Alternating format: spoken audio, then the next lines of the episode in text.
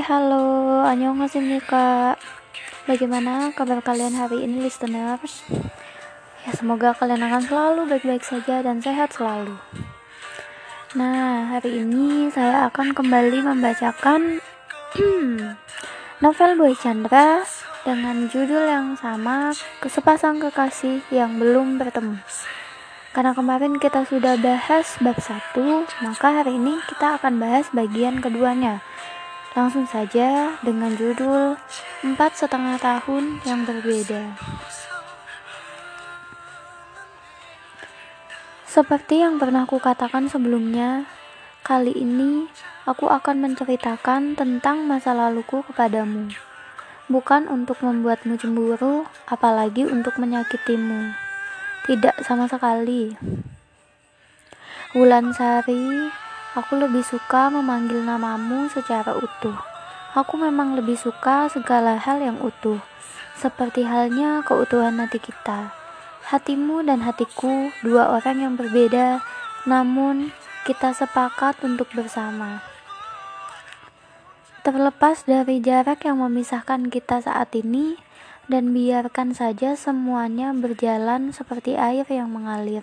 Cepat atau lambat, kita akan sampai pada muara. Muara adalah perpisahan. Mungkin kita akan dipisahkan dari kesendirian menjadi bersama bersatu. Tentu aku ingin kita bersama. Namun, berbicara tentang perbedaan sama halnya mengulang masa laluku bahwa tidak semua perbedaan itu bisa disatukan. Begini Sari, sewaktu SMA, aku pernah menjalani hubungan dengan seseorang perempuan. Cantik tentu, namun aku tidak ingin membandingkan kalian berdua. Aku paham, tidak ada perempuan yang ingin dibanding-bandingkan, apalagi dengan masa lalu mantan kekasihnya. Tuhan memang sudah menciptakan setiap manusia itu unik. Tidak ada di dunia ini manusia yang sama persis 100%. Bahkan untuk dua orang yang kembar sekalipun. Setiap orang punya kelebihan dan kekurangan masing-masing. Perihal cantik, dia dan kamu masing-masing memiliki aura cantik. Aku menyukai rambut matamu yang lebat, sama seperti rambut mataku. Juga hidungmu yang mancung, meski tak sama dengan hidungku yang lebih pesek. Perihal dia, Wulan, namanya Susanti. Aku memanggilnya Susan. Dulu aku sangat mencintainya. Untuk saat ini, kupastikan hanya kamu yang aku sayangi. Aku hanya ingin berbagi cerita kepadamu. Ya, kuharap kamu mengerti maksudku. Dengan Susan, Aku menjalani hubungan empat setengah tahun lamanya. Iya, hubungan yang panjang memang. Dimulai sejak aku kelas 3 SMA dan Susan adik kelasku. Sampai kemudian kami kuliah di kampus yang sama. Meski sekarang dia masih kuliah dan aku sudah wisuda, namun jika kamu bertanya apa yang aku dapatkan setelah berjuang empat setengah tahun bersama Susan, aku dapatkan rasa sakit bulan hanya sakit hati yang kini membekas. Rasanya begitu perih.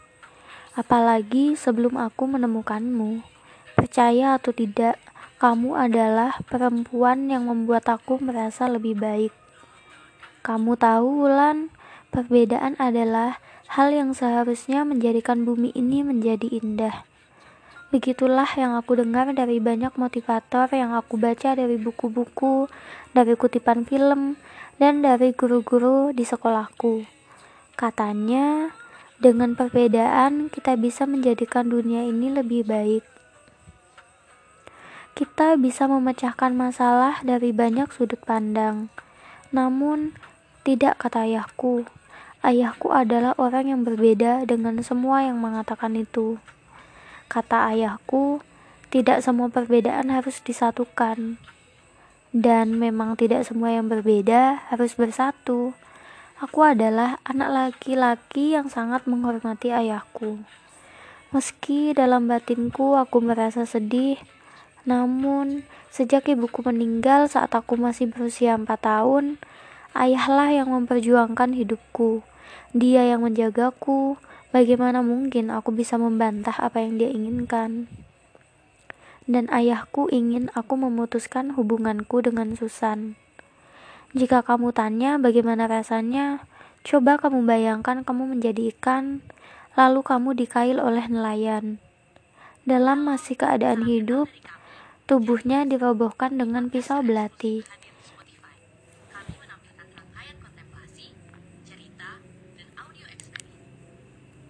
Lalu saat darahmu masih mengalir, mereka menetesimu asam limau. Begitulah kira-kira dan itulah yang dilakukan oleh ayahku sendiri. Aku tidak nafsu makan selama dua minggu. Pikiranku rasanya kosong. Dadaku terus saja menyempit. Jika bisa memilih, aku ingin rasanya saat itu aku mati saja. Aku benar-benar tidak bisa hidup tanpa Susan. Aku tahu, Susan juga merasakan hal yang sama. Saat menonton televisi, mataku mengarah kepada televisi, namun tatapanku kosong. Dalam kepalaku hanya ada Susan, tidak ada lagi yang menarik di bumi ini. Hingga akhirnya ayahku duduk di sebelahku. Dia tak bicara apa-apa, dia hanya memeluk, memelukku. Kurasakan hangat air matanya menetesi pipiku. Malam itu ayahku menangis, hal yang jarang dilakukannya seumur hidupku. Bahkan saat ibuku meninggal, ayah tetap berusaha tegar. Dalam suasana kami yang diam, ayah membisikkan sesuatu kepadaku. Begini kata ayahku, ayah tahu hal yang paling menyakitkan di dunia ini adalah kehilangan orang yang kita sayang sama halnya seperti saat ibumu meninggalkan kita. Namun, itu beda dengan apa yang kamu alami saat ini. Kamu bisa jatuh cinta lagi kepada perempuan lain. Jangan kamu siksa ayah dengan sikapmu begini. Ibumu sudah meninggal. Itu terasa menyakitkan. Jika hanya karena ayah melarangmu meneruskan hubungan dengan perempuan yang berbeda keyakinan dengan kita, kamu menghukum diri begini, alangkah merasa bersalahnya ayah padamu. Aku tak menyanggah ayahku, namun dalam hati ingin rasanya aku menanyakan sesuatu kepadanya. Makanlah, lihatlah tubuhmu semakin kurus. Lanjutnya, sekarang ayahku telah mengelap air matanya. Dia kembali seperti ayah yang selalu ku kenal, ayah yang kuat, ayah yang seolah tak pernah merasa sedih. Ayah, ucapanku menahannya berdiri. Boleh aku bertanya sesuatu? Apa selama ini aku pernah melarangmu bertanya? Ia menatapku. Apa menurut ayah perbedaan itu harus dihargai? Iya, memang harusnya begitu. Tetapi tidak bisa untuk hubunganmu dengan Susan. Dia seolah bisa membaca arah pikiranku. Aku terdiam sejenak. Sesuatu kembali menusuk dadaku. Ayahku seolah menjadi raja yang tega menghunus pedang tajam ke dada anaknya sendiri, lalu membiarkan anaknya terkapar tanpa pernah mati. Lalu, kenapa Tuhan menciptakan perbedaan? Tanya aku lagi. Begini, boy. Dia menatapku tajam. Kali ini, ayah terlihat serius. Ada banyak hal di dunia ini yang memang harus bersatu dan ada hal-hal yang tidak akan mungkin untuk bersatu. Pelangi contohnya, dia akan terlihat indah karena perpaduan warna yang berbeda. Coba kamu bayangkan jika pelangi hanya satu warna saja, pasti akan membosankan. Perbedaanlah yang membuatnya indah, begitulah hidup. Jika kita manusia memiliki wajah dan perangai yang sama satu sama lain, dunia ini tak akan pernah bergerak dan akan sangat monoton. Namun, ada beberapa hal yang diciptakan berbeda dan tidak akan bersatu sampai kapan pun. Siang dan malam misalnya. Siang dan malam memang harus berbeda dan memang harus terpisah. Mereka tidak bisa disatukan. Lalu, bagaimana hubunganku dengan Susan? Apakah kami salah? Potongku. Ayahku tersenyum. Meski dia termasuk lelaki yang serius, tetapi senyumannya selalu membuatku merasa bangga memiliki ayah sepertinya. Kalian ibarat air dan minyak, perihal keyakinan tak bisa ditawar. Cobalah kamu aduk air dan minyak. Jika kamu paksakan mereka untuk bersatu, mungkin mereka akan bersatu, tetapi hanya sementara, dan akhirnya akan terpisah lagi. Begitulah cintamu dengan Susan. Satu hal yang harus kamu pahami, jangan korbankan rasa cinta Tuhan kepadamu dengan perasaanmu kepada Susan. Ayahku menepuk bahuku, lalu meninggalkan aku sendiri di depan televisi. Lama aku terdiam, namun setelah aku pikir-pikir, ada benarnya juga apa yang dikatakan ayahku. Aku dan Susan memang hanya ditakdirkan sekedar saling jatuh cinta. Namun, kami tidak diinginkan untuk bersama selamanya. Dan sejak itu, aku sering menulis puisi dan lirik lagu, agar hatiku sedikit demi sedikit menjadi lebih baik. Sehingga akhirnya aku benar-benar bisa merelakan Susan. Meski untuk beberapa kali kami masih sering bertemu, namun aku meyakinkan kepada Susan ada banyak cinta yang bisa kami dapatkan selain ngotot memperjuangkan perasaan kami yang dibawahi oleh keyakinan yang berbeda. Lambat laun, akhirnya Susan juga mengerti bahwa cinta kami memang seharusnya kami lupakan, hingga akhirnya dia menemukan lelaki lain, lelaki yang akhirnya membawa dia jauh dariku. Aku sudah merelakan Susan sepenuhnya, dan saat ini hanya kamu yang ada di hatiku, Wulan. Biarlah masa lalu mengikuti jalan ke mana ia harus berlalu. Semua kepahitan yang pernah didatangkan masa lalu, kujadikan penguat dan pedoman untuk hidup yang lebih menyenangkan. Begitulah Hulan, empat setengah tahun itu hanya menyisakan pahit.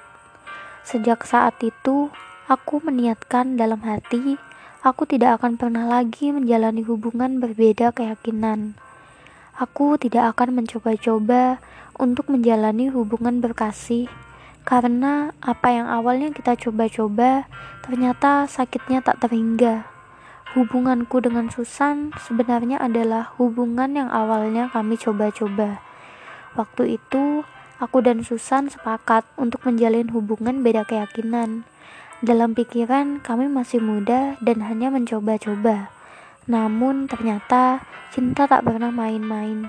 Ia hujani kami dengan perasaan yang semakin hari semakin mendalam dan berakhir pada sebait luka yang tajam. Denganmu saat ini, perasaanku bukan lagi perasaan anak SMA. Kita sudah cukup umur untuk memahami apa yang kita rasakan. Aku sudah tamat kuliah, dan kamu sudah menjadi mahasiswa semester akhir. Setidaknya secara umur kita sudah bisa membedakan mana yang baik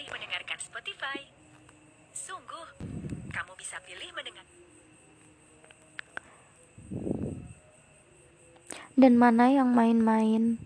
Memilih menjalani hubungan dengan orang yang sama sekali belum pernah kutemui bukanlah mainan.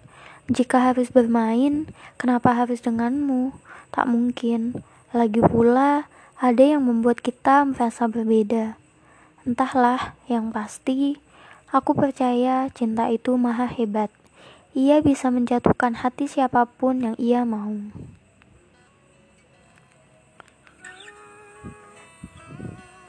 Pernah satu kali kamu bertanya kepadaku perihal keyakinan akan cinta yang kita pertaruhkan.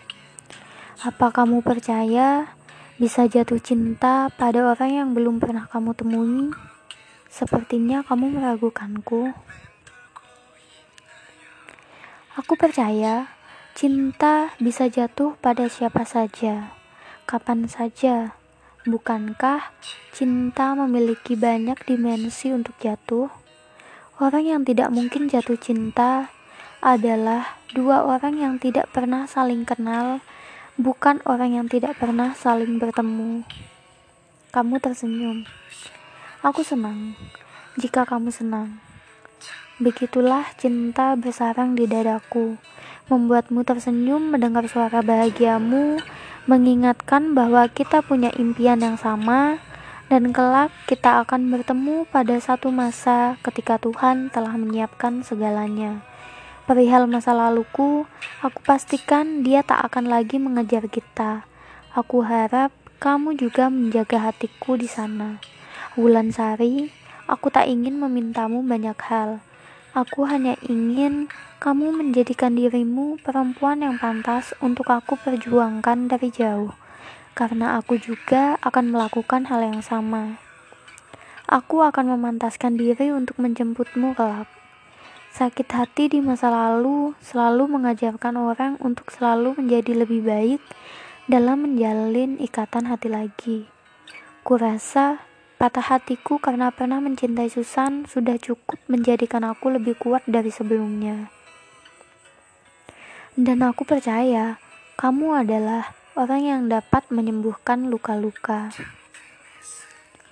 Sakit hati di masa lalu selalu mengajarkan orang untuk selalu menjadi lebih baik dalam menjalin ikatan hati lagi. Nah, sekian dari novel dari Boy Chandra yang saya bacakan pada bagian kedua ini.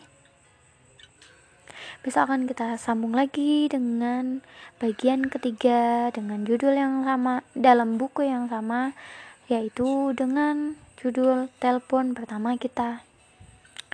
Oke, selamat menikmati listener. Happy enjoy it.